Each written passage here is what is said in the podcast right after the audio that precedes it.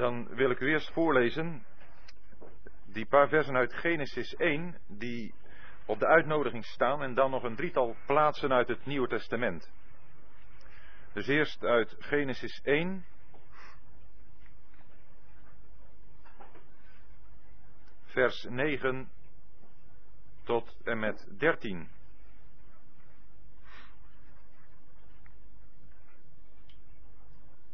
En God zeide dat de wateren van onder de hemel in één plaats vergaderd worden en dat het droge gezien worden. En het was al zo. En God noemde het droge aarde. En de vergadering der wateren noemde hij zeeën. En God zag dat het goed was.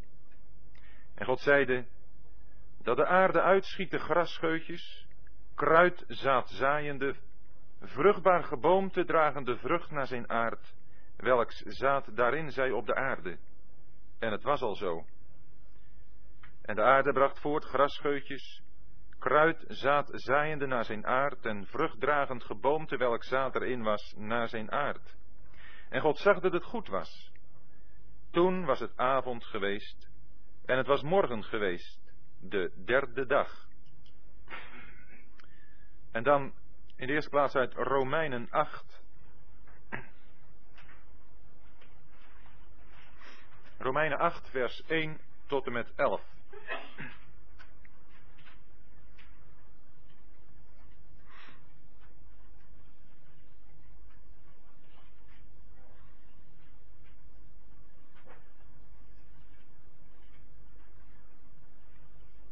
Romeinen 8, vers 1. Zo is er dan nu geen veroordeling voor hen die in Christus Jezus zijn. Want de wet van de geest des levens in Christus Jezus heeft mij vrijgemaakt van de wet van de zonde en de dood. Want wat voor de wet onmogelijk was, omdat zij door het vlees krachteloos was, deed God, daar hij, door zijn eigen zoon in een gedaante gelijk aan het vlees van de zonde, en voor de zonde te zenden, de zonde in het vlees heeft veroordeeld opdat de rechtvaardige eis van de wet vervuld zou worden in ons, die niet naar het vlees wandelen, maar naar de geest. Want zij die naar het vlees zijn, bedenken vleeselijke dingen, maar zij die naar de geest zijn, geestelijke dingen. Want wat het vlees bedenkt is de dood. Maar wat de geest bedenkt is leven en vrede.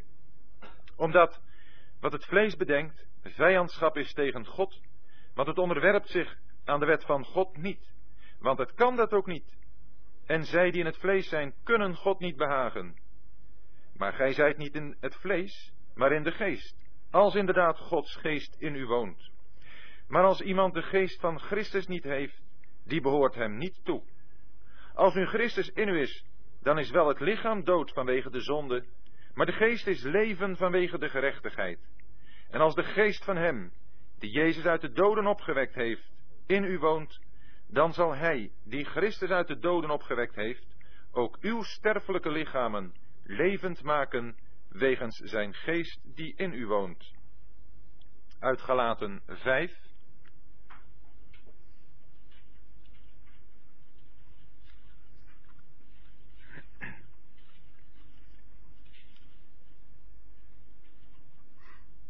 Galaten 5, vers 16 tot en met 25. En ik zeg, wandelt door de geest, en gij zult de begeerte van het vlees geen zins volbrengen. Want het vlees begeert tegen de geest, en de geest tegen het vlees, en deze staan tegenover elkaar, opdat gij niet doet wat gij wilt. Maar als gij door de geest geleid wordt, dan zijt gij niet onder de wet. Het is duidelijk wat de werken van het vlees zijn: hoererij, onreinheid, losbandigheid, afgodendienst, toverij, vijandschap, twist, jaloersheid, toorn, partijzucht, tweedracht, secten, nijd, moord, dronkenschap, brasserij en dergelijke. Waarvan ik u tevoren zeg, zoals ik ook reeds gezegd heb, dat wie zulke dingen doen, het koninkrijk Gods niet zullen beërven. Maar de vrucht van de geest is liefde, blijdschap, vrede, langmoedigheid, goedertierenheid, goedheid, trouw, zachtmoedigheid, zelfbeheersing. Tegen zulke dingen is geen wet. Maar zij die van Christus zijn, hebben het vlees gekruisigd met de hartstochten en begeerten. Als wij door de geest leven, laten wij ook door de geest wandelen. En tenslotte uit Johannes 15.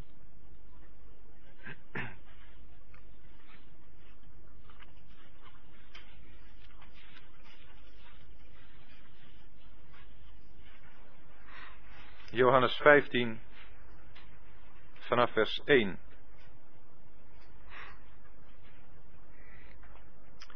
Ik ben de ware wijnstok en mijn vader is de landman. Elke rank in mij die geen vrucht draagt, neemt hij weg. En elke rank die vrucht draagt, reinigt hij, opdat zij meer vrucht draagt. Gij zijt al rein om het woord dat ik tot u gesproken heb. Blijft in mij en ik in u. Zoals de rank geen vrucht kan dragen uit zichzelf, als hij niet in de wijnstok blijft, zo ook gij niet, als gij in mij niet blijft. Ik ben de wijnstok, gij de ranken. Wie in mij blijft en ik in hem, die draagt veel vrucht. Want zonder mij kunt gij niets doen. Als iemand in mij niet blijft, wordt hij buiten geworpen als de rank en verdord. En men verzamelt ze en men werpt ze in het vuur en ze verbranden. Als gij in mij blijft en mijn woorden in u blijven, zult gij bidden alles wat gij wilt en het zal u gebeuren. Hierin is mijn Vader verheerlijkt, dat gij veel vrucht draagt. En gij zult mijn discipelen zijn. Vers 16. Gij hebt mij niet uitverkoren, maar ik heb u uitverkoren. En ik heb u gesteld dat gij zoudt heen gaan en vrucht dragen, en dat uw vrucht zou blijven, opdat alles wat gij de Vader bidden zult in mijn naam, hij u dat geeft. Tot zover.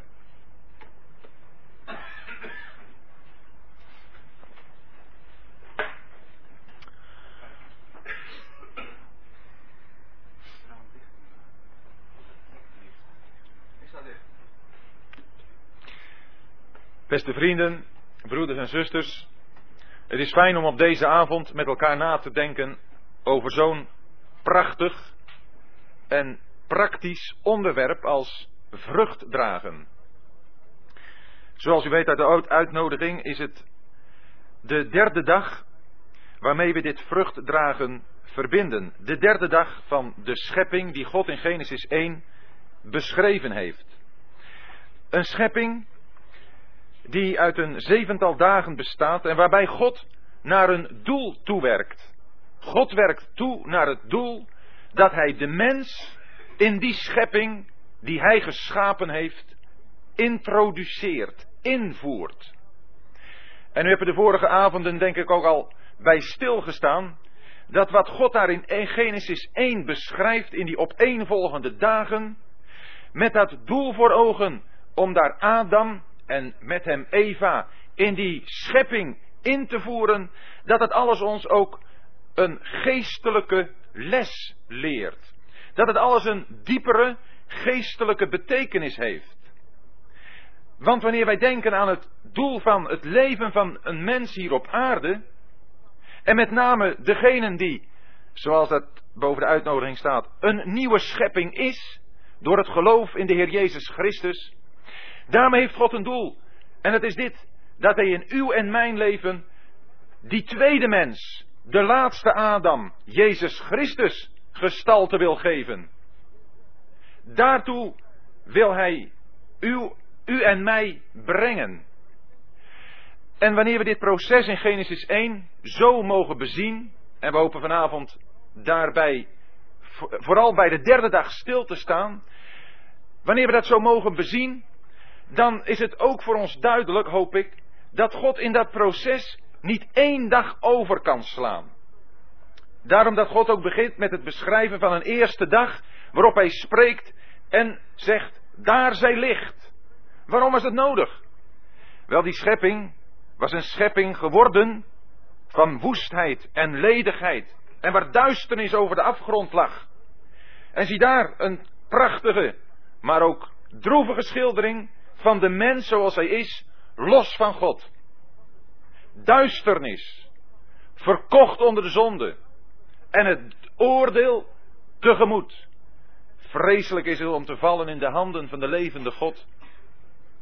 En dan, dan gaat God spreken in het leven van zo'n mens. Zoals het in mijn leven gedaan heeft. Zoals het in het leven van velen hier gedaan heeft. En ik hoop bij een ieder, zoals we ook in ons gebed gezegd hebben. Dat dat licht van God in uw ziel is geschenen. We lezen dat in 2 Korinthe 4. Dat God, die God die gezegd heeft dat licht uit de duisternis zou schijnen, heeft geschenen in onze harten door de lichtglans van het evangelie van de heerlijkheid van Jezus Christus. Beste vriend of vriendin die hier is en de Heer Jezus nog niet kent, die nog moet zeggen, ik ben nog in duisternis. Er is een lichtglans van het evangelie van de heerlijkheid. En het is te zien in het aangezicht van Jezus Christus. En dat licht dat straalt van het kruis. Het kruis van Golgotha dat hier op aarde gestaan heeft. Waar de Heer Jezus Christus, de Zoon van God, en we hopen daarop terug te komen in Romeinen 8, waar Hij het oordeel van God heeft gedragen, waar Hij inging in die duisternis. Drie uren werd de duisternis. En in die drie uren van duisternis heeft Hij de zonden gedragen van een ieder die in Hem gelooft. En is Hij tot zonde gemaakt, alsof Hij de bron de oorsprong van alle boosheid, slechtheid en zonde hier op aarde is. En heeft God het in hem geoordeeld. Zodat er nu licht kan verspreid worden. Licht in deze wereld. Licht dat op kan gaan in harten van mensen die het bewust zijn. Ik ben een zondaar. En ik lig onder die duisternis. En dan schijnt God met zijn heerlijk evangelie. En ontdekt u aan uzelf. En het maakt u ook duidelijk dat er voor u maar één uitkomst is, één redding. En het is te gaan naar de Heer Jezus Christus. Uw zonden voor God te beleiden. Het te zeggen, o God, wees mij zondaar genadig. En dan bewijst God uw genade. En is het dan allemaal ineens helemaal heerlijk, geweldig?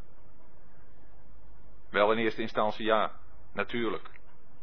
Maar dan gaat er een proces in gang waarbij we nog zoveel gaan leren. Leren over wie God is.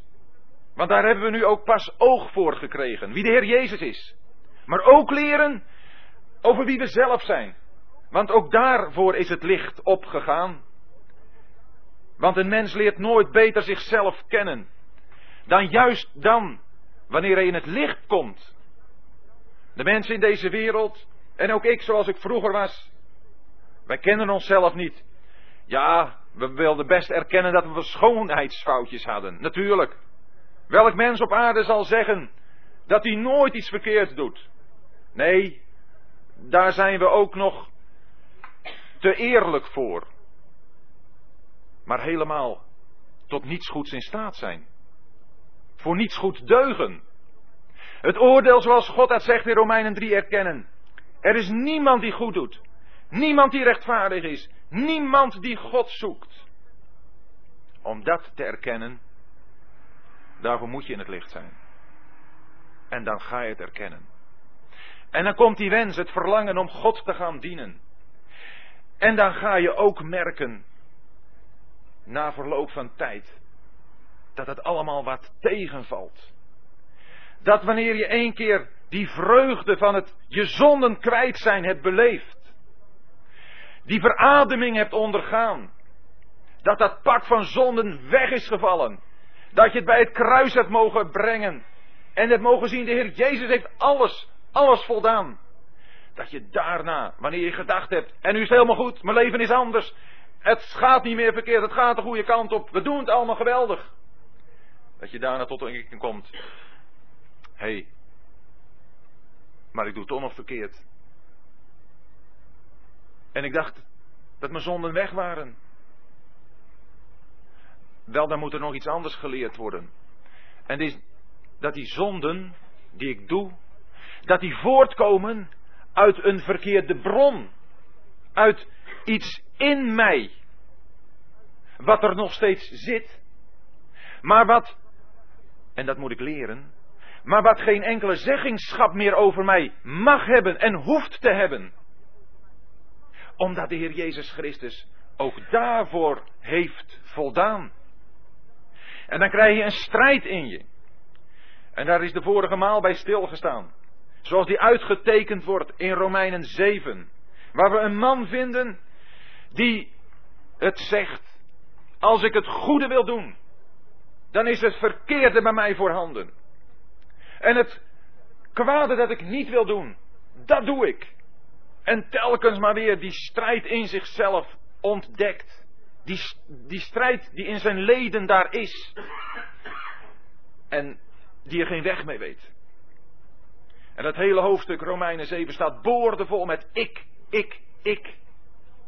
Het is iemand die volkomen op zichzelf geconcentreerd is. En ook niet anders kan. Want de man of de vrouw is er hopeloos mee aan. En is een proces waar we doorheen moeten. God slaat geen dag in ons leven over. Maar ik zeg, waar we doorheen moeten. Waar we dus ook uit moeten komen. Dit is niet een situatie die zich ons hele leven door voort blijft duren. God wil bij u en bij mij een derde dag bewerken. En dat is de dag van de opstanding.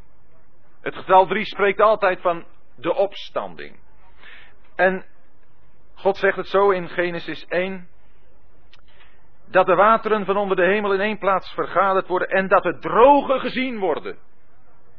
Ziet u, dan komt na dat conflict dat in die ziel strijd heeft gevoerd, komt daar ineens een uiting van dat droge, van die opstandingswereld. We hopen daar in Romeinen 8 verder over na te denken. Maar daar komt een terrein vrij. Dat komt naar boven uit die wateren. Breekt als het ware door uit die wateren. Waar God iets kan gaan doen. Waar hij vrucht kan gaan voortbrengen. Het is opmerkelijk dat juist deze dag, de derde dag, God tweemaal spreekt. God spreekt. God zegt dat de wateren van onder de hemel in één plaats worden samenvergaderd en het droge gezien worden. En dan noemt God in vers 10 het droge aarde en de vergadering der wateren noemde hij zeeën. En God zei dat het goed was. En dan in vers 11, en God zeide dat de aarde uitschieten. Grasscheutjes, kruidzaad zaaiende en vruchtbaar geboomte. Tweemaal spreekt God op die dag. Eenmaal dus om dat droge tevoorschijn te brengen. En een tweede maal om op dat droge, wat hij aarde noemt, vrucht te laten voortkomen. En dat vrucht in verschillende gradaties. Eerst heel klein, grasscheutjes. Dan wat groter, dat zaadzaaiend kruid. En dan tenslotte dat vruchtbaar geboomte. God wil dat wij in ons geestelijk leven, in dat vrucht voortbrengen, ook groei te zien geven. Daar wil hij naartoe. Met uw en met mijn leven. Wanneer we nu naar Romeinen hoofdstuk 8 gaan, dan gaan we eens nader bezien hoe de apostel Paulus dit voor ons gaat ontvouwen. De brief aan de Romeinen is een hele fundamentele brief voor het leven van het geloof. Die brief aan de Romeinen behandelt, zoals ik al zei, juist die twee grote onderwerpen. Met betrekking tot de zonden, de daden, de boosheden die wij produceren. En de zonde, de wortel, de boom waaruit die boze daden, die zonden voortkomen. Dat doet de apostel Paulus heel duidelijk en heel opeenvolgend, heel logisch, zouden we eens kunnen zeggen. Want in het eerste deel van die brief, namelijk Romeinen hoofdstuk 1 tot en met 5 vers 12, dan gaat hij ons op een hele radicale wijze voorstellen wie wij van nature zijn, wat onze daden waren. Maar zegt hij ook, daarvoor is Jezus Christus gekomen En heeft hij op het kruis zijn bloed gestort. Voor onze zonden, voor de daden die we hebben gedaan. Daarvoor heeft de Heer Jezus Christus zijn bloed doen stromen tot vergeving. Onze, onze daden, de zonden, die behoefden vergeving. Daar moest een bedekking voor komen. En daarvoor is het bloed van de Heer Jezus op Golgotha's kruis gestort. Zonder bloedstorting is er geen vergeving. En het is al iets geweldigs als je dat mag kennen. Wel, dan zeg je het. Zoals dat in Romeinen 5 in het eerste vers staat. Dat wij dan gerechtvaardigd op grond van geloof hebben vrede met God. Dat is een heerlijk resultaat van de vergeving te kennen van je zonden. Maar dat tweede is net zo noodzakelijk. En is een even groot geloof voor nodig. Of evenzeer geloof voor nodig. Het feit dat wij onze zonden kwijt zijn. Doordat we ze hebben erkend. We hebben geloofd dat de Heer Jezus Christus zijn bloed daarvoor heeft doen storten. Dat is iets wat we gemakkelijk accepteren. Ik bedoel nu in de zin van, voor ons geloof is dat niet zo moeilijk. Dat aanvaard je. Maar nu die tweede les. Dat tweede deel wat apostel Paulus hier in Romeinen 5 vanaf vers 12 dan gaat behandelen. Om dat evenzeer in geloof te aanvaarden. Dat is heel wat moeilijker. Waarom? Omdat het zo strijdig is met onze ervaring. Omdat wat wij daarvan aan de lijve ondervinden, nog zo vaak in schril contrast daarmee staat. Nog zo vaak anders is. En toch is datzelfde werk van de Heer Jezus Christus daarvoor gebeurd. Alleen weer vanuit een ander gezichtspunt gezien.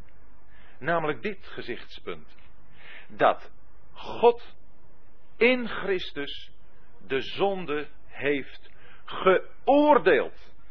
Daar is geen sprake van vergeving. Daar hoeft ook niets beleden te worden. Daar is iets wat aanvaard moet worden in het geloof. Zien naar het kruis. Zien de Heer Jezus daar hangen. En zien dat God in hem de zonde oordeelt. Zodat wij nu kunnen zeggen. Er is voor hen die in Christus Jezus zijn geen veroordeling. Romeinen 8, vers 1. En dat, dat is bij de apostel een juichkreet.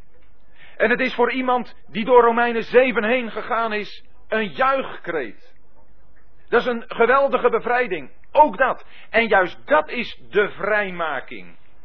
Dan ben je pas werkelijk vrij. Wanneer we denken aan het beeld in Exodus, waar God zijn volk uit Egypte naar het beloofde land wil brengen, dan hebben we daar in beeld hetzelfde. Want we vinden dat eerst dat volk dat in Egypte is, gelijkmatig met de Egyptenaren moet delen in Gods oordelen. En ik bedoel nu met name wat genoemd wordt de laatste plaag, maar in wezen is dat een eindoordeel, een definitief oordeel. Waarbij God gezegd had dat in elk huis een dode zou zijn, de eerstgeborene. Ook de Israëlieten. Maar dan geeft God een middel. Iets waardoor ze aan dat oordeel kunnen ontkomen. Hoe dan? God geeft een lam. En dat lam wordt geslacht. Dus er is ook in dat huis een dode. En met dat bloed, dan moest iets gebeuren. Dat bloed moest gebracht worden aan de beide zijposten en aan de bovendorpel van het huis waarin zij waren. En dan gaat de verderfengel door het land heen. En dan heeft God gezegd: Als ik het bloed zie, dan zal ik voorbij gaan. God die weet dat waar dat bloed aan de zijposten en aan de bovendorpel van die deur gestreken is, daar is het oordeel reeds geweest. En gaat de verderfengel voorbij? Deze vraag nog een keer is bij u allemaal. Dit bloed, aan de posten van uw hart gestreken, zodat God als degene die oordelen moet voorbij kan gaan. Maar daarmee waren ze nog niet uit Egypte. Daar zaten ze nog. En in wezen hing het er maar van af het geloof in wat God gezegd had. God, die zou voorbij gaan. En het hing helemaal niet af van de gevoelens van die eerstgeborene daar in dat huis. Of hij nou zat te beven. Of het wel waar zou zijn wat God gezegd had.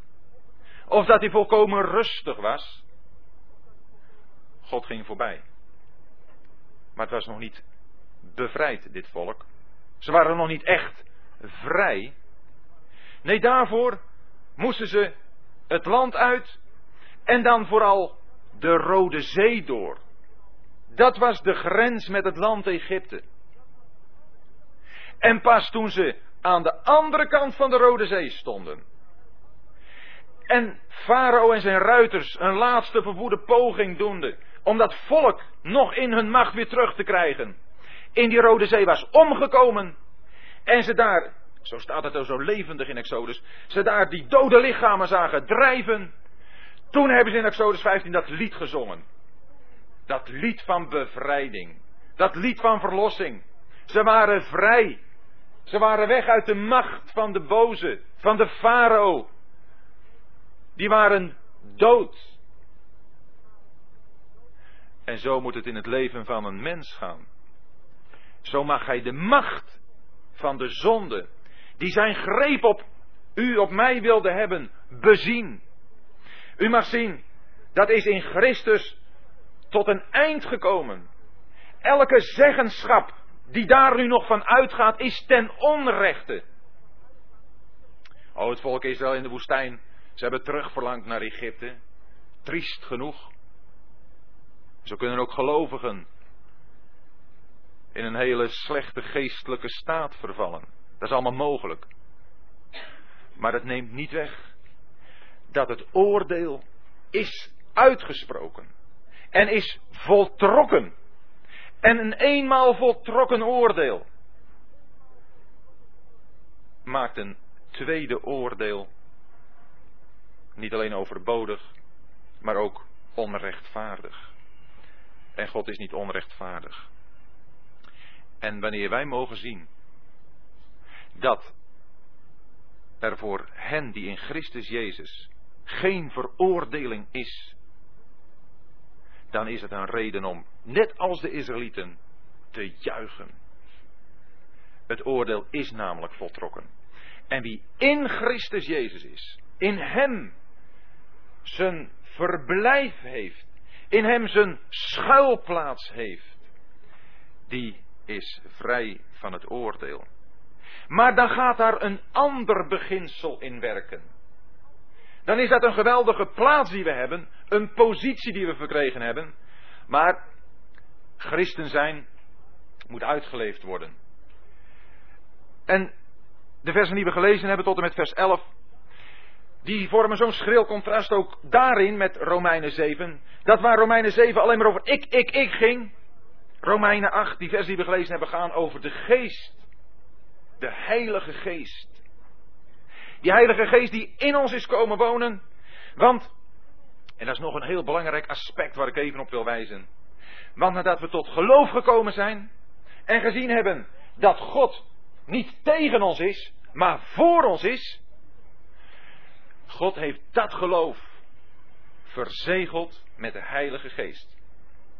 De Heilige Geest is dan inwonend gekomen, woont in ons, heeft zijn verblijfplaats in ons en wil ons nu brengen tot volkomen andere dingen dan waarmee wij ons tot dan toe hebben bezig gehouden.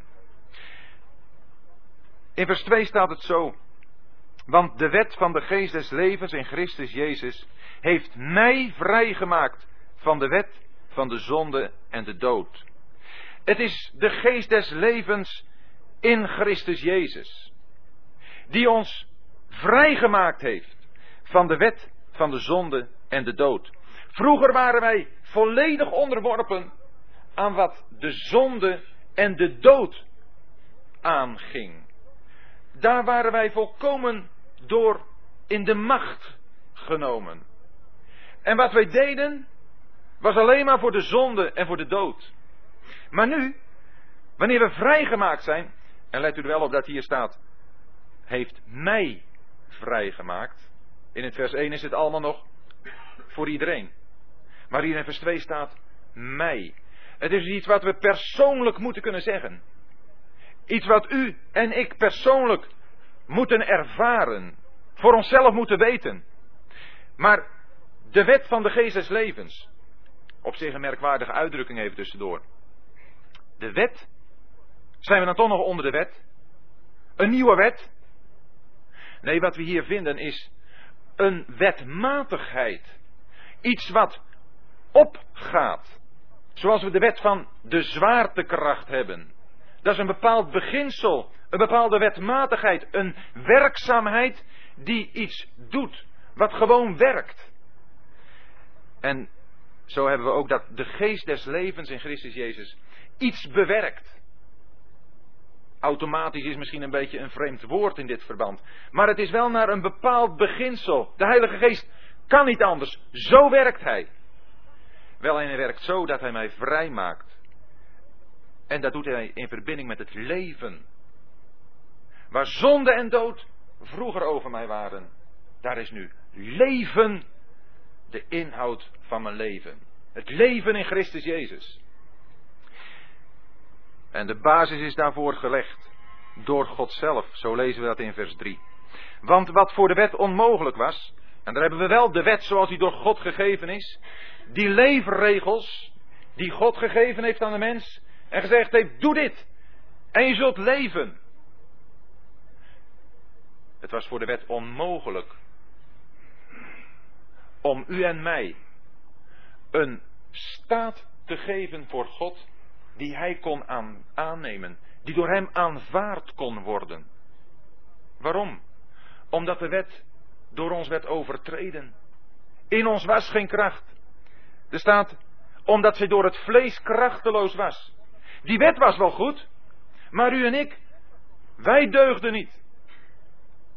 Je kunt het vergelijken met een kunstenaar. Die ontzettend kundig is. En die prima materiaal heeft. Hamer en een bijtel. En die uit een vermolmd stuk hout iets wil maken. Ligt het aan de capaciteiten van die kunstenaar? Ligt het aan zijn materiaal? Nee, het ligt aan dat stuk hout wat verrot is. En waar niets mee te beginnen is. Wel, zo is het ook met wat we hier vinden. De wet. De wet is goed. En het gebod is heilig en rechtvaardig en goed, zegt Romeinen 7 ons. Maar wij, wij zijn verkocht onder de zonde. En waarom heeft God de wet gegeven? Om ons dat duidelijk te maken. Om ons aan onszelf te laten ontdekken. Dat het niet ging. Dat we het niet konden. En daarom wat voor de wet onmogelijk was. Dat deed God. Door zijn zoon te zenden in de gelijkheid aan het vlees van de zonde en voor de zonde. En zo heeft hij de zonde in het vlees veroordeeld. Dan zien we dat God gaat werken. Is dat dan niet een God die voor ons is? God zendt zijn zoon. Zijn eigen zoon lezen we. Heel nadrukkelijk. En God zendt zijn zoon in een gelijkheid aan het vlees van de zonde. Dat wil zeggen dat de Heer Jezus hier op aarde geweest is als mens. Hebreeën 2 zegt het.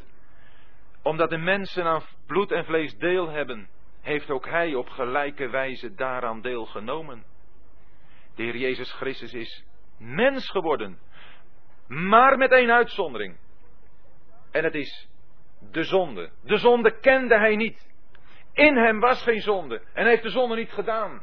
Een drievoudig getuigen is het Nieuwe Testament. En het is nodig, beste vrienden, broeders en zusters, om dat goed in ons op te nemen. Omdat we in de christenheid overal steeds meer het geluid horen dat de Heer Jezus wel uniek was. Maar waar hij misschien dan de zonde niet had, toch zou hebben kunnen zondigen. En het is een leugen. Het is in strijd met het woord. De Heer Jezus Christus was de waarachtige mens, jazeker. Uitgenomen de zonde, gescheiden van de zonde. Ja, maar hoor je dan iemand zeggen, die verzoekingen in de woestijn dan? Als hij niet kon zondigen, waren dat dan zulke verzoekingen voor hem? Ja, dat waren ze. En heel wat erger dan voor u en mij.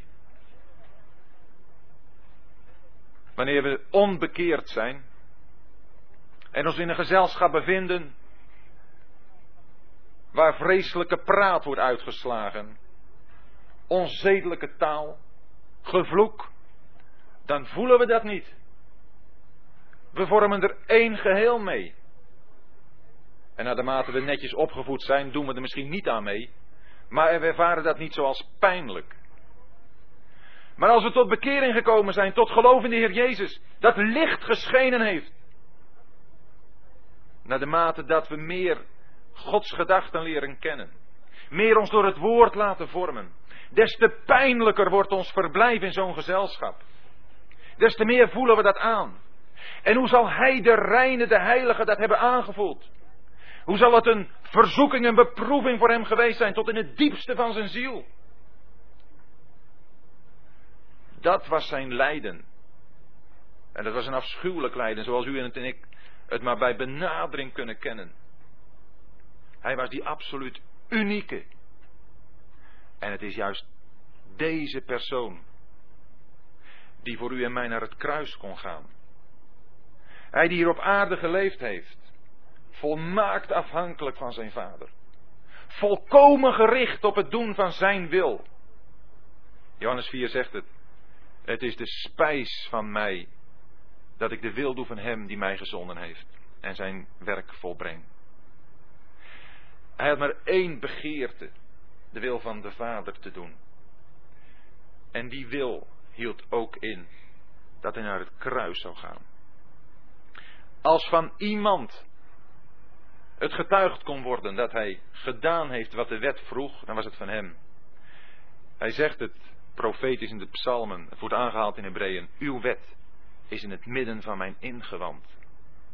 Dat was zijn vreugde.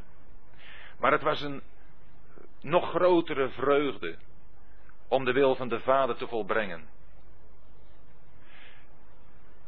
En hij is, heeft het gedaan. Hij heeft volkomen Gods wil volbracht. En dat heeft hij gedaan op het kruis. Juist daar.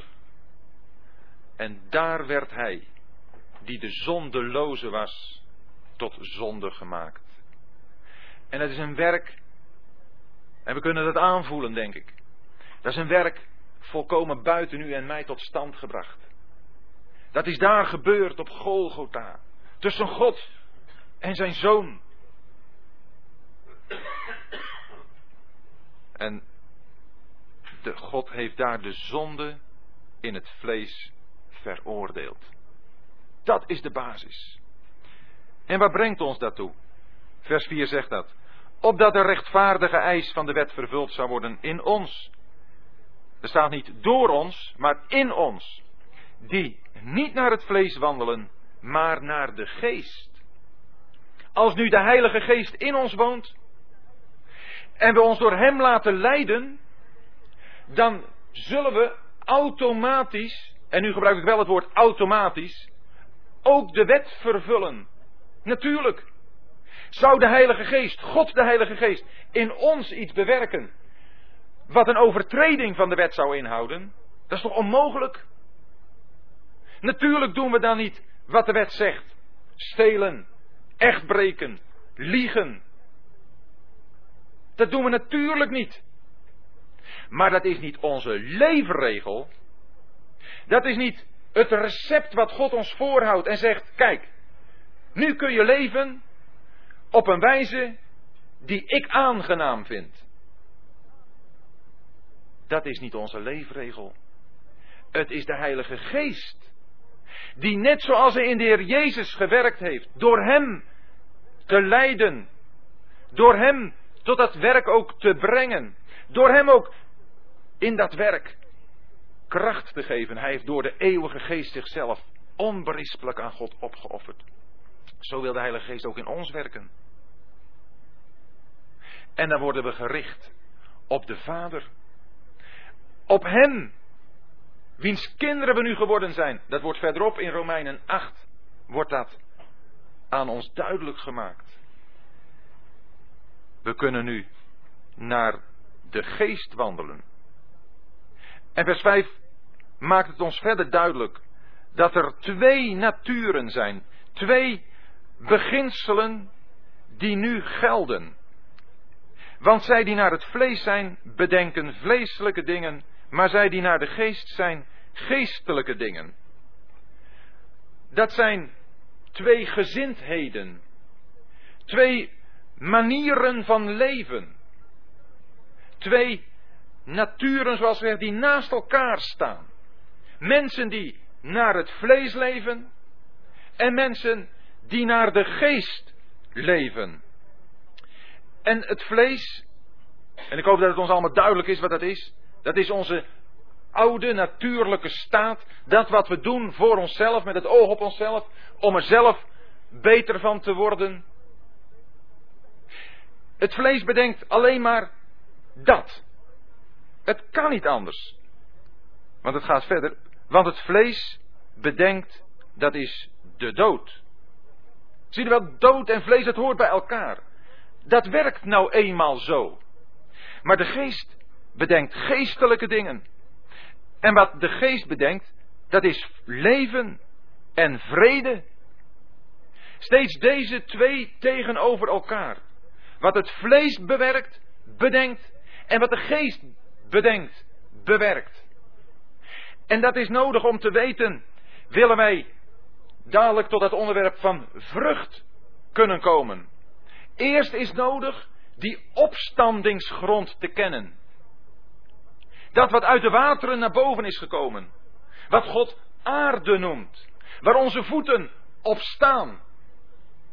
Dan zijn dat die, bekend, die, die duidelijke dingen. Bekend moeten ze ons worden. Hoe het vlees is. Wat het bedenkt en bewerkt. Hoe de geest is. Wat de geest bedenkt. Bewerkt. Dat moeten we duidelijk gaan onderscheiden. Het vlees, wat dat bedenkt, is vijandschap tegen God. Want het onderwerpt zich aan de wet van God niet. Want het kan dat ook niet. En zij die in het vlees zijn, kunnen God niet behagen. Dat is radicaal. En het moet tot ons doordringen. Willen wij vorderingen kunnen maken in het vrucht dragen. Dat we van het vlees niets meer verwachten. Dat we wat onszelf betreft afgerekend hebben. Dat is een bittere les. Wanneer wij nog dingen hebben die we voor onszelf willen doen. Dat we toch nog iets van onszelf verwachten. God heeft het oordeel uitgesproken, voltrokken op het kruis. En afgeleid daarvan gaat apostel Paulus hier nu allemaal zeggen tegen ons hoe dat vlees zich uit, wat de kenmerken daarvan zijn. Vijandschap tegen God. Het kan zich niet onderwerpen aan God. Het is ten ene male onmogelijk. Dat zijn de wetmatigheden van het vlees. Zo werkt het. En iets ervan moeten we, als we de Heer Jezus kennen, allemaal aan de lijve ondervonden hebben. En misschien nog wel eens problemen mee. En daarom is het goed het terug te voeren tot wat hier staat in de schrift. De bron. God spreekt de waarheid. En als onze voeten daarop staan, dan komt er die bevrijding. En dan kunnen we ook, zoals vers, 8, vers 9 zegt, het zeggen. Maar gij zijt niet in het vlees, maar in de geest, als inderdaad Gods geest in u woont. De geest van God, als die maar in u woont. En nog een keer de vraag, weet u of u de Heilige Geest ontvangen hebt? Nee, ik vraag helemaal niet of u dat kunt tonen door, zoals dat wel geleerd wordt, in tongen of in talen te gaan spreken. Er is geen enkele sprake van in de schrift. U moet het kunnen zeggen op grond van het woord van God zelf. Niet op bijzondere extatische ervaringen. De schrift maakt het duidelijk. Als u de schrift gelooft, wat God zegt, en wat er staat in Efeze 1, dat u, toen u geloofd hebt, verzegeld bent geworden met de Heilige Geest van de belofte, dat het waar is. En u mag dadelijk met vragen komen over hoe je dat allemaal praktisch kunt beleven en wat er allemaal kan schorten als je het toch niet zo beleeft. Waar we het over hebben is wat Gods woord zegt. We hebben het niet over onze ervaring op dit moment. Ik zeg niet dat het onbelangrijk is. Maar ervaringen kunnen pas werkelijk ervaringen worden als we weten wat Gods woord ergens over zegt. Want anders dan gaan we op onze eigen ervaringen ook drijven. En dat is echt drijfzand. Hier hebben we opstandingsgrond. De Heilige Geest woont in u als u het evangelie van uw behoudenis hebt geloofd. En het evangelie van uw behoudenis leest u in 1 Korinthe 15. Het evangelie van uw behoudenis dat is dat u gelooft dat de Heer Jezus voor uw zonden gestorven is naar de schriften. En dat hij is begraven en opgestaan naar de schriften. Dat is het evangelie van uw behoudenis. En dat is wat Paulus hier in Romeinen zo duidelijk uitwerkt. Niet een gemakkelijke brief, maar wel een brief die je moet lezen en herlezen. Die de leer van het heil ontvouwt. En die je fundament geeft, basis geeft, waarop je kunt gaan staan. En waarop je vast kunt staan. Waardoor je niet meer heen en weer geschud wordt. Juist door die ervaringen. Dan gaan ervaringen, ook negatieve ervaringen, toch in een ander licht gezien worden. Dan ga je dat zien als lessen die God je wil leren. En dan wil je ook dat aanvaarden uit Gods hand. Als inderdaad Gods geest in u woont. Maar als iemand de geest van Christus niet heeft, die behoort hem niet toe. Hier ineens weer de geest van Christus. Niet de geest van God, maar de geest van Christus.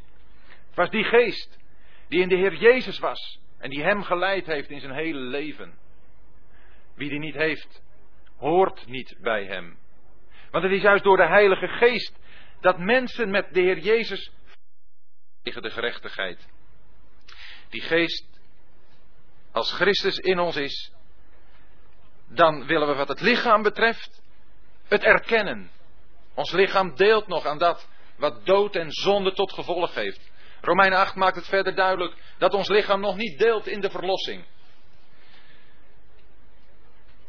En de geest is leven vanwege de gerechtigheid. De geest die bewerkt het leven in ons.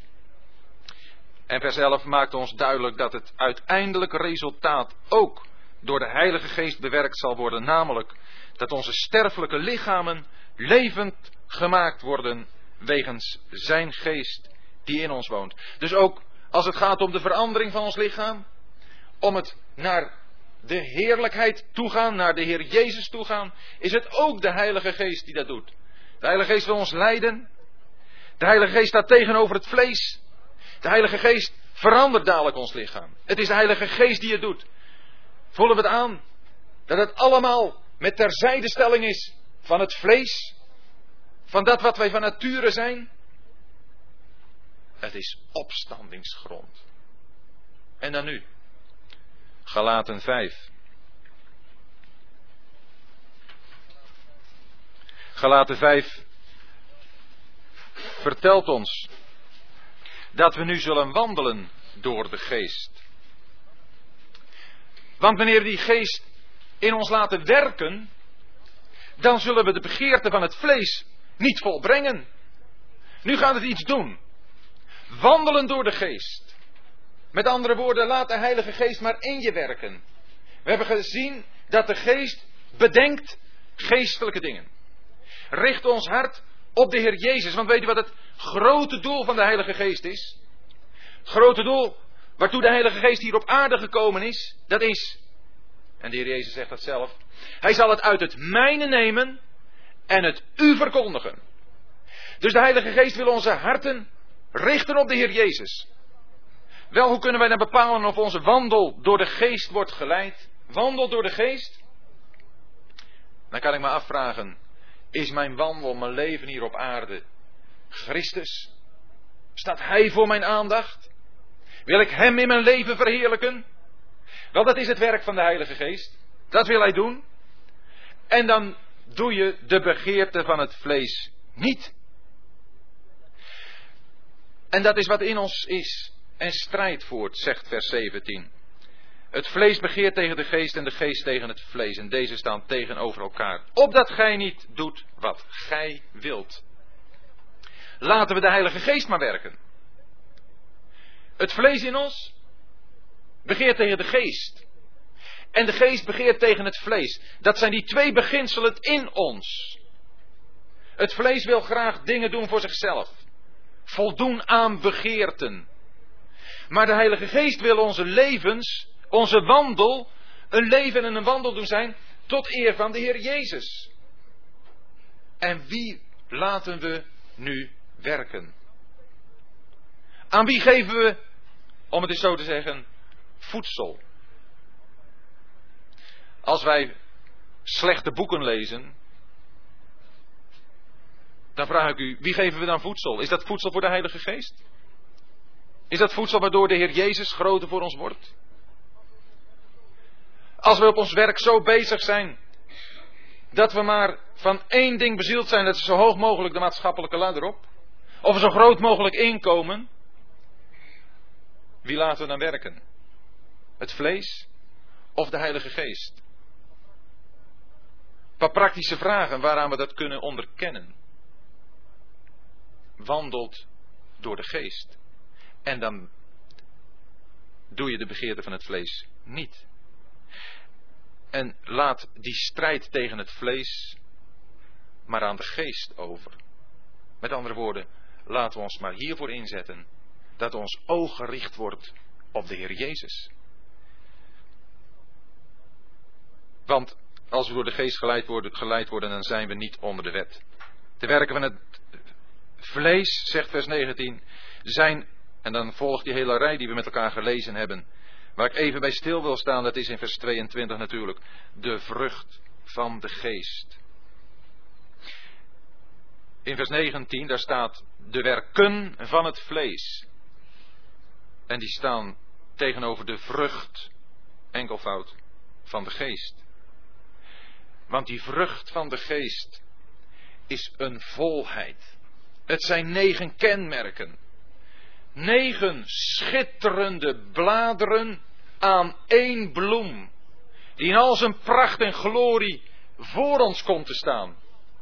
Haal daar één blad uit en de bloem is als het ware bedorven.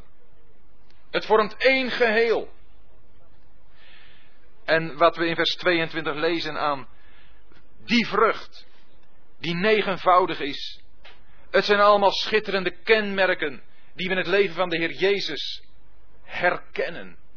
Behalve misschien die laatste, zelfbeheersing. Ik denk niet dat de Heer Jezus in dat opzicht bij zichzelf iets te beheersen had. Wij wel. Bij ons kunnen er van die neigingen zijn die we moeten onderdrukken. Die we geen kans mogen geven. Als we dat wel doen, dan gaan we de fout in.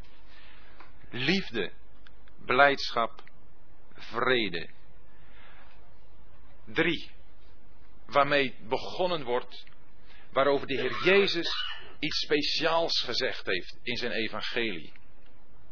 In het evangelie van Johannes bedoel ik. Johannes 17, 15 en 14 meen ik. De Heer Jezus spreekt namelijk over mijn liefde, mijn blijdschap, mijn vrede, om die aan u en mij te geven. De Heer Jezus heeft een liefde betoond, zoals u en ik, maar heel betrekkelijk kunnen tonen. Maar dan komt dat omdat we toch het vlees nog kans geven. Want naar zijn aard, naar het leven in ons, werkt het niet anders bij ons dan bij de Heer Jezus. En ook langmoedigheid, goedertierenheid, goedheid. Wat is het schitterend. Als dat gevonden wordt. Bij u en mij. Omdat het kenmerken zijn van de Heer Jezus. Trouw, zachtmoedigheid, zelfbeheersing. De vrucht van de geest. Dat is waar de Heilige Geest ons toe wil brengen. U en mij. Tegen zulke dingen is geen wet. Dat is onmogelijk. Daar is geen wet van God in enig opzicht tegen.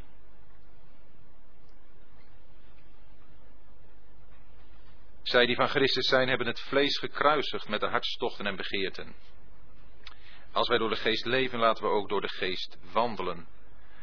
Het besluit als het ware met vers 16 weer opnieuw. Dat we door de geest zouden moeten wandelen. En laten we de Heer vragen of dat de Heilige Geest zo gelegenheid krijgt in ons leven om die vrucht tot uiting te brengen. En dan nu nog een ogenblik naar Johannes 15, omdat we daar op een hele speciale wijze gelezen hebben over vrucht. En vooral in verbinding met dat groeien. We hebben in vers 2 dat elke rank die vrucht draagt, gereinigd wordt door de Vader. Hij is landman. Opdat zij meer vrucht draagt. Dus er is eerst vrucht. Dan is daar het werk van de Vader als de landman die reinigt. Waardoor er meer vrucht komt.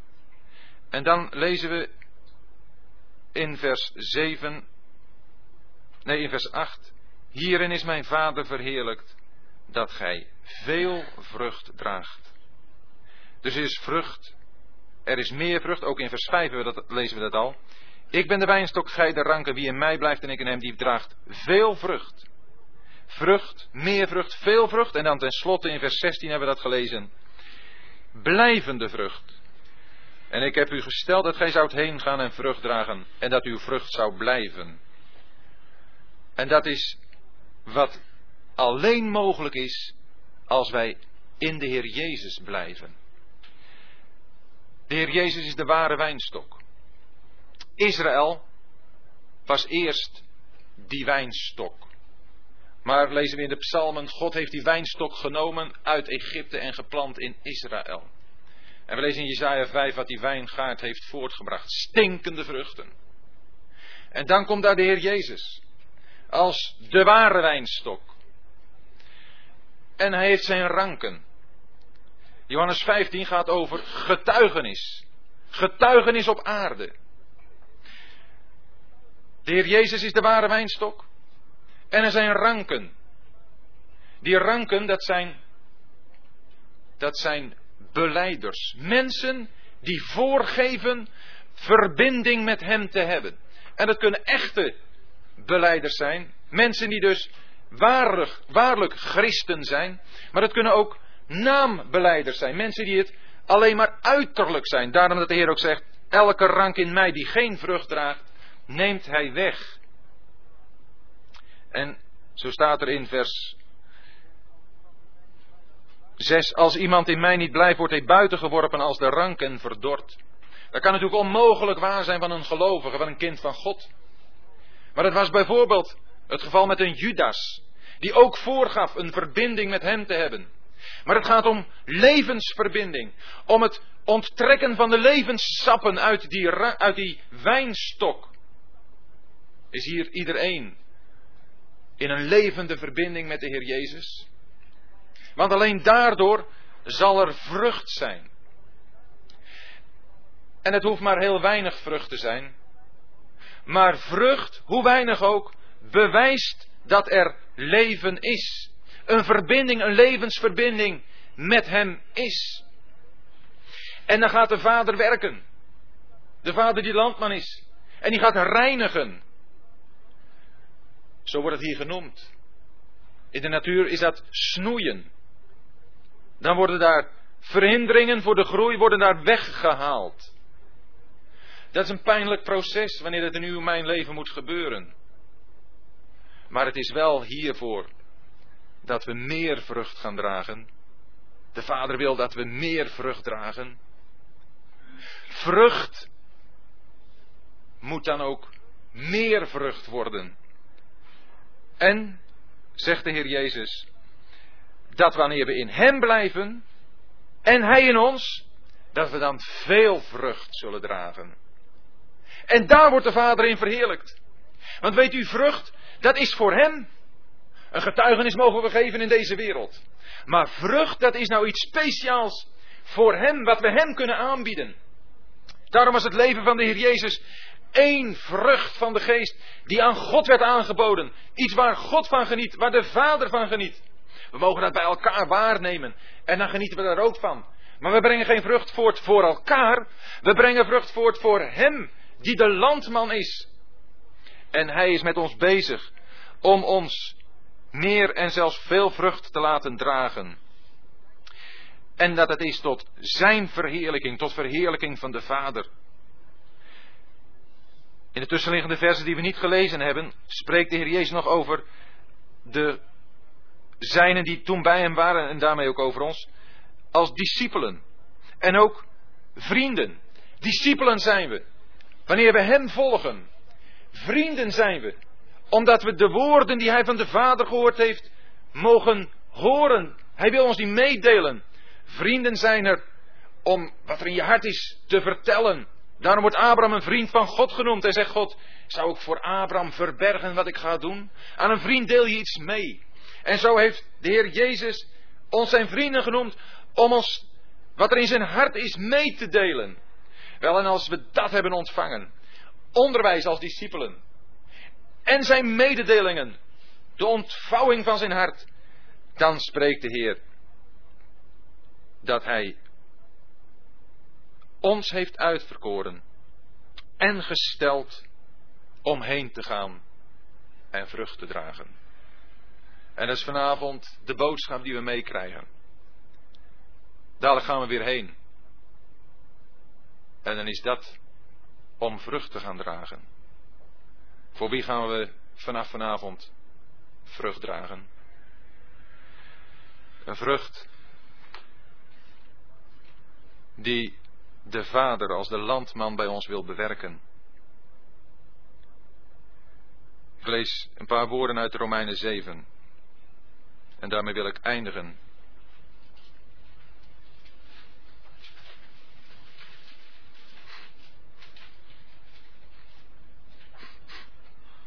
In vers 5, eerst vers 5, Romeinen 7, vers 5. Want toen wij in het vlees waren, werkten de lusten van de zonden, die door de wet gewekt worden in onze leden, om voor de dood vrucht te dragen. En dan vers 4. Zo zijt ook gij, mijn broeders, voor de wet gedood door het lichaam van Christus, opdat geen ander zou toebehoren.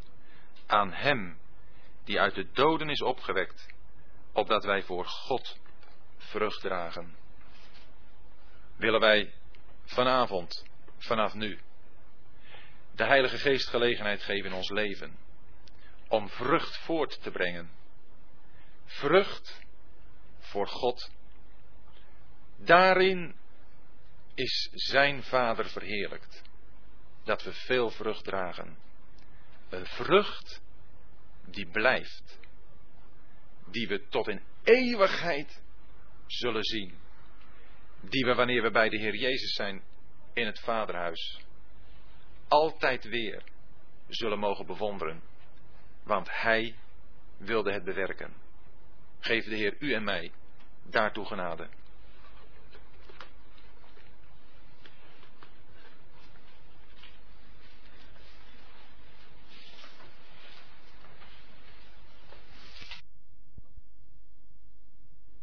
Wat te doen als je na Romeinen 8 weer in Romeinen 7 komt?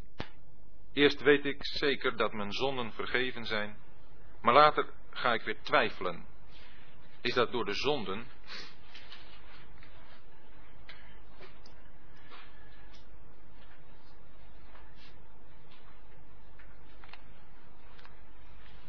Ja, wat, het is altijd moeilijk om een vraag die zo ervaring van iemand weergeeft.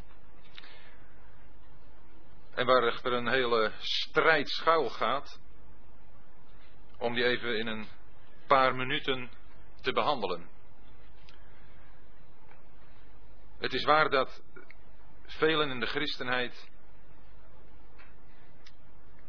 ook door de leer waaronder ze grootgebracht zijn, de prediking die ze zondag aan zondag horen, Romeinen 7 als een normale christelijke situatie hebben leren kennen. En dat naarmate daar langer in geleefd is, ook zekere restanten, overblijfsels daar langer van het leven blijven doortrekken. Zodat wanneer iemand die de vergeving van zijn zonden heeft gekend, wanneer hij weer eens twijfelt, zich als het ware teruggeworpen voelt in die pool van Romeinen 7. Want Romeinen 7 stelt ons iemand voor die in een moeras is en die zijn ene been voor de andere wil zetten, maar bij elke beweging die hij maakt alleen maar dieper in het moeras wegzakt. Totdat hij tenslotte in vertwijfeling het uitroept en je ziet de man dan of de vrouw dan zitten tot onze nek in het moeras. In vers 24 van Romeinen 7. Ik ellendig mens, wie zal mij verlossen uit het lichaam van de dood? En nu is het een voorrecht, denk ik, als je zover bent dat je zegt: Ik ellendig mens. Maar dat heb je al de hele tijd geroepen. Maar dan het volgende woord: Wie zal mij verlossen van het lichaam van de dood. Want Romeinen 7 maakt duidelijk dat dat iemand is die helemaal vervuld is met zichzelf. Noodzakelijkerwijs, maar toch alleen maar zelf bezig is. Zelf aan het modderen, aan het ploeteren is. En maar telkens weer, telkens weer in zichzelf teleurgesteld raakt. Omdat hij telkens weer en telkens weer het verkeerde doet. Wel, iemand moet werkelijk zover komen dat hij geen uitweg meer ziet ten aanzien van zijn eigen capaciteiten en inspanningen en krachten. En dan om zich heen kijkt, wie zal mij verlossen? Dat is het eerste woord waarin je iets van het licht ziet doorstralen. Want dan is de persoon niet bij zichzelf, in zichzelf bezig, maar zoekt om zich heen om uitredding. En dan is er hoop. Dan is er hoop. Wie zal mij verlossen uit het lichaam van de dood? En dan zegt vers 25 als een antwoord. Ik dank God door Jezus Christus onze Heer. Zo iemand die totaal aan het eind is van zichzelf, ziet op de Heer Jezus Christus en dankt God voor Hem. Want Hij is het antwoord. Hij heeft alles volbracht. En op grond daarvan mag hij nu weten dat er geen veroordeling meer is. En zo iemand wordt uit dat moeras getrokken en wordt op een vaste grond gezet. En nu komt dan toch nog dat gevoel van weer in Romeinen 7 te zitten. Toch weer het jezelf tegenvallen. Misschien dat een aanreiking voor u is dat u niet hoeft te denken aan Romeinen 7. Romeinen 7, en ik heb dat proberen duidelijk te maken, is een proces in ons leven waar we doorheen gaan. Waar we noodzakelijkerwijs doorheen moeten om te ontdekken, om te leren wie we zelf zijn. Hoe diepgaander dat proces is, hoe nuttiger. Hoe diepgaander, ook hoe pijnlijker, jazeker. Maar ook hoe nuttiger. Alleen laat u nooit wijsmaken dat het een normale christelijke positie is. Alsof het leven uit niets hogers bestaat dan te roepen: Ik ellendig mens. Nee, dat is niet een positie waarin een mens vrucht voor God kan voortbrengen. Dat is onmogelijk. Maar wel een zaak waar we ernst mee moeten maken. En ik geloof ook dat een christen die niet iets van Romeinen 7 heeft ervaren, ook niet echt weet wat vrijmaking is. En ook niet weet wat het is om vrucht te dragen voor God. Dat zijn, worden oppervlakkige christenen. Dat worden mensen die zeker zijn van het heil. Mij kan niets meer gebeuren. Ik weet dat Christus voor mijn zonde gestorven is. En het hoeft nog niet oneerlijk te zijn ook. Maar je ziet aan het leven dat het een oppervlakkig leven is. Daar gaat geen geestkracht van uit. En een geestkracht met een hoofdletter. Dat is niet een leven waarin je de vrucht van de Heilige Geest herkent.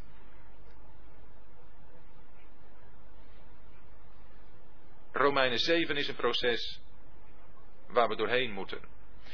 Maar als we er doorheen zijn en we echt hebben erkend dat de Heer Jezus het is die ons bevrijd heeft, kan het dan nog wel weer eens dat we gaan twijfelen?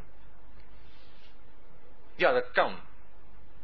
Alleen ik zeg u erbij dat het toch, en dat klinkt misschien wat hard, maar toch de duivel is die u dat influistert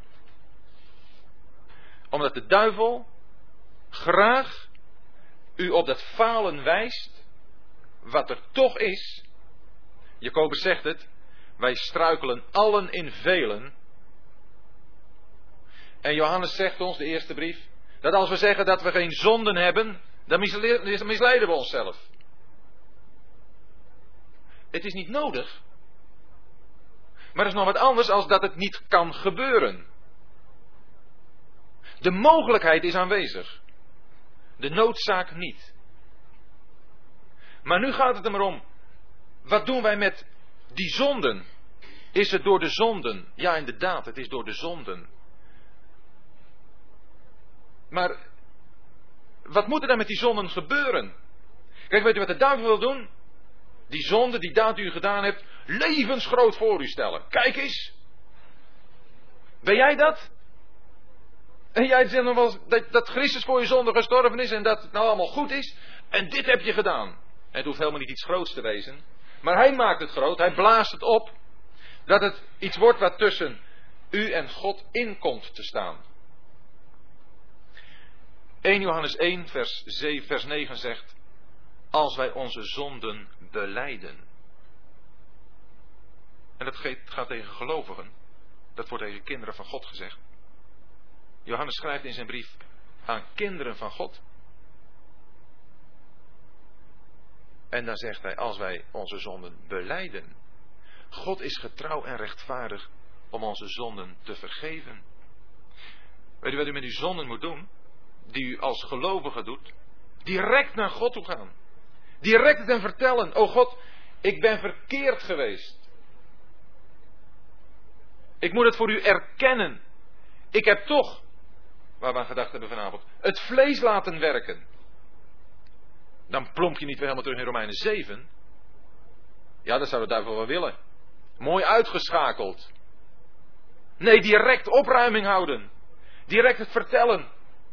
En teruggaan naar waar dat werk van de Heer Jezus volbracht is. Want het werk van de Heer Jezus, en dat is ook nog een heel belangrijk aspect om even op te wijzen. Het werk van de Heer Jezus, wanneer is dat volbracht? Dat is bijna 2000 jaar geleden volbracht. Leeft u al? Of ik? Tuurlijk niet. En toch heeft hij mijn zonden, heeft hij daar gedragen. Welke zonden? Tot het moment dat ik me bekeerde? Jazeker, die ook. Tot op dit moment? Gelukkig wel, jazeker. De Heer Jezus heeft mijn zonde gedragen tot het moment dat ik naar de Heer Jezus toe ga. Of dat ik zou sterven, of dat allen die hem toebehoren, de gemeente, door hem worden opgehaald. Maar tot het moment dat ik hier op aarde blijf, is de mogelijkheid aanwezig dat ik zondig. Dat is een vernederende zaak. Maar ook een hele heilzame zaak. Want ja, Paulus zegt het hoor, dus kan ik direct even zeggen. Zouden we zondigen opdat de genade meerder worden? Volstrekt niet. Dus het gaat er niet om dat we nu dus toch maar kunnen doen wat we willen. Toch maar raak kunnen leven. Want Dan zullen we alleen maar meer ervaren van de genade van God. Hoe meer we zondigen, nietwaar, des te meer ervaren we die genade. Nou, dat zou de grootste ongevoeligheid zijn ten aanzien van het werk van de Heer Jezus. Maar daarom is het zo goed om de waarheid in zijn evenwicht te laten. Want een oprecht overtuigd zondaar. En nu bedoel ik iemand die een kind van God is, maar toch gezondigd heeft. Iemand die oprecht overtuigd is van zijn zonden, zal daar tranen om huilen.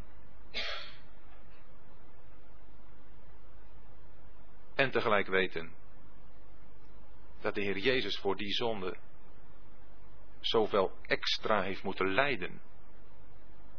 Dat maakt de zonde zo erg. En dat zal het verlangen in ons ook doen groeien om niet te zondigen. Nee, dat bedoel ik niet in eigen inspanning.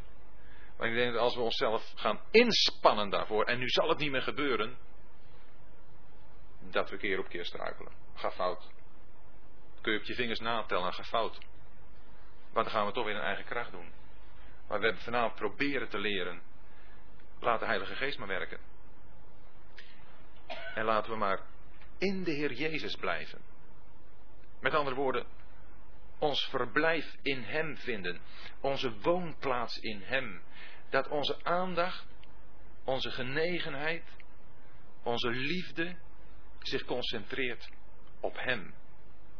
En iemand heeft geschreven, wie Christus voor zich heeft, zondig niet. Wie kan er zondigen met Christus voor zijn aandacht? Dat is onmogelijk. Dat kan niet. En dat wil de Heilige Geest doen. Die wil Christus voor ons plaatsen. En daarom, ik ben blij met deze vraag. Ook voor mezelf. En het is als het ware om elkaar eraan te herinneren. Dat als wij gezondigd hebben, dat niet betekent dat we teruggaan naar Romeinen 7. Maar het heeft te maken met onze verhouding tot de Vader. God ziet in u en mij geen enkele zonde meer. Kinderen gingen vanavond naar Bijbelles toe en daar was ook een vraag: kun je volmaakt zijn? Daar hebben we even met elkaar over gepraat. En hebben we Hebreeën 10 opgezocht, Hebreeën 10 vers 14. Daar staat dat de Heer Jezus door één offerande, en dat is eigenlijk ook wat Romeinen 8 zegt, hè, dat God zijn zoon gezonden heeft voor de zonde. En daar staat letterlijk als een zondoffer. De Heer Jezus is het offer voor de zonde geworden. Nou, dat is wat Hebreeën 10 zegt. Door één offerande, door dat ene offer van de Heer Jezus Christus, heeft Hij voor altijd, dat is ononderbroken, altijd durend, voor altijd volmaakt, dus er mankeert niets aan, degenen die geheiligd worden.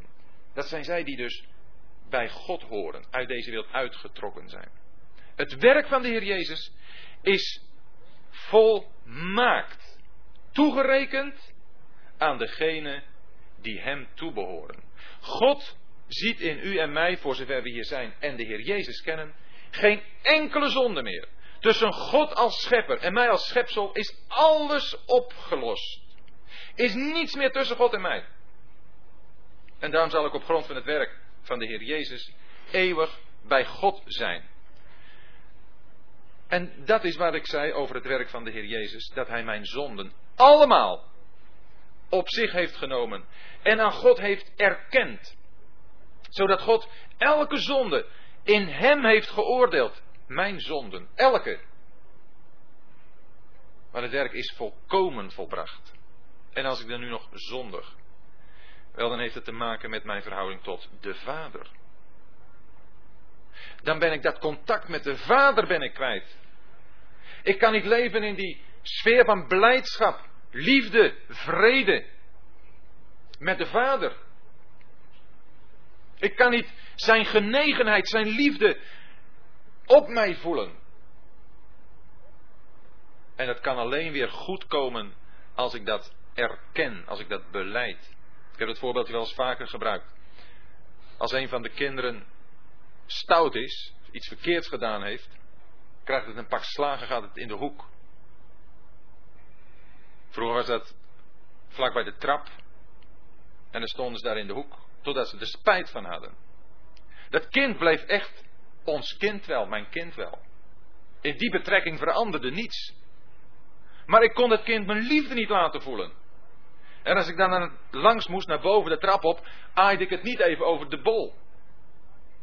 Nee, er moest iets goed gemaakt worden. En zo is het ook met ons als kinderen van God.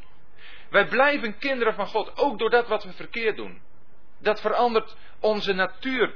De natuur die we uit God hebben. Het zijn van kinderen van God verandert daar niet door. Maar wat verandert? Die verhouding met de Vader. Het niet kunnen genieten van zijn gemeenschap. En dat kan pas goed worden als ik mijn zonden beleid. Als ik het erken. En erkennen is echt uitspreken voor God. Wat er gebeurd is. Niet in algemene termen. Niet in vage bewoordingen. Nee, bij namen noemen. Als we onze zonden beleiden. En we hoeven dat alleen maar te zeggen. En dan vergeeft God. God is getrouw en rechtvaardig om onze zonden te vergeven. En dan is het weer goed. Dan is het weer hersteld. Dus een gelovige die zondigt, gaat niet meer terug naar Romeinen 7. En als u het zo ervaart, dan hoop ik dat dit antwoord toch een beetje bijdraagt daarin dat het niet waar is. Het is de duivel die het u influistert. Leest u maar in het woord van God. Leest u daar maar in wat God zelf daarvan zegt. We hebben dat vanavond met elkaar gedaan. Maar gaat u thuis nog maar eens rustig nalezen. En leest u Romeinen 8 maar eens verder door. Als God voor ons is. Wie zal tegen ons zijn? Hoe zal hij die zelfs zijn eigen zoon niet gespaard, maar hem voor ons allen overgegeven heeft, ons met hem ook niet alle dingen schenken? Wie zal beschuldiging inbrengen tegen uitverkorenen van God? Bent u een? Ja, dat bent u. Toch? God is het die rechtvaardigt. De duivel zou altijd willen beschuldigen. Staat er altijd klaar om aan te klagen. En om u ongelukkig te maken. Richt u niet op die zonde. In die zin dat het iets wordt waarvan Kain zei: Mijn zonde is te groot dan dat ze vergeven kan worden. Er is geen zonde te groot of ze kan vergeven worden. Maar dit, erken het. Spreek het uit. Eerlijk en oprecht. En dan is het weg. Wat doen wij als gelovigen, als kinderen van God? Met onze zonden, die we helaas als kinderen van God doen. En ik zeg dit erbij, het is niet goedkoop dat een kind van God zondigt. Het is niet iets wat, nou ja, omdat er toch gelukkig een offer voor is, dat het allemaal niet zo erg is. Nee, er is niets erger dan een kind van God zondigt. Maar het hoeft nooit tot vertwijfeling te leiden. Direct mee naar de Heer. En ik hoop dat u dat doet en ik hoop dat ik dat doe. Als er dingen zijn die verkeerd zijn, dat het tot een oplossing komt tussen God en ons. Zijn er nog mondelinge vragen? Anders dan uh, gaan we daarvan besluiten.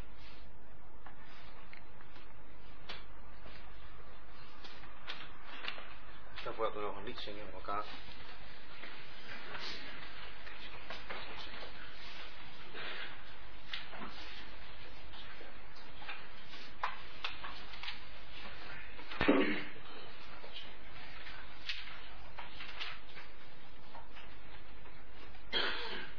Dan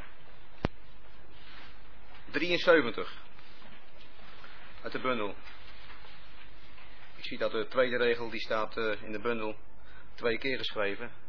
Dat was eigenlijk niet de bedoeling om dat ook twee keer te zingen. Dat zou wel begrijpen. Dus 73, alle vier de coupletten.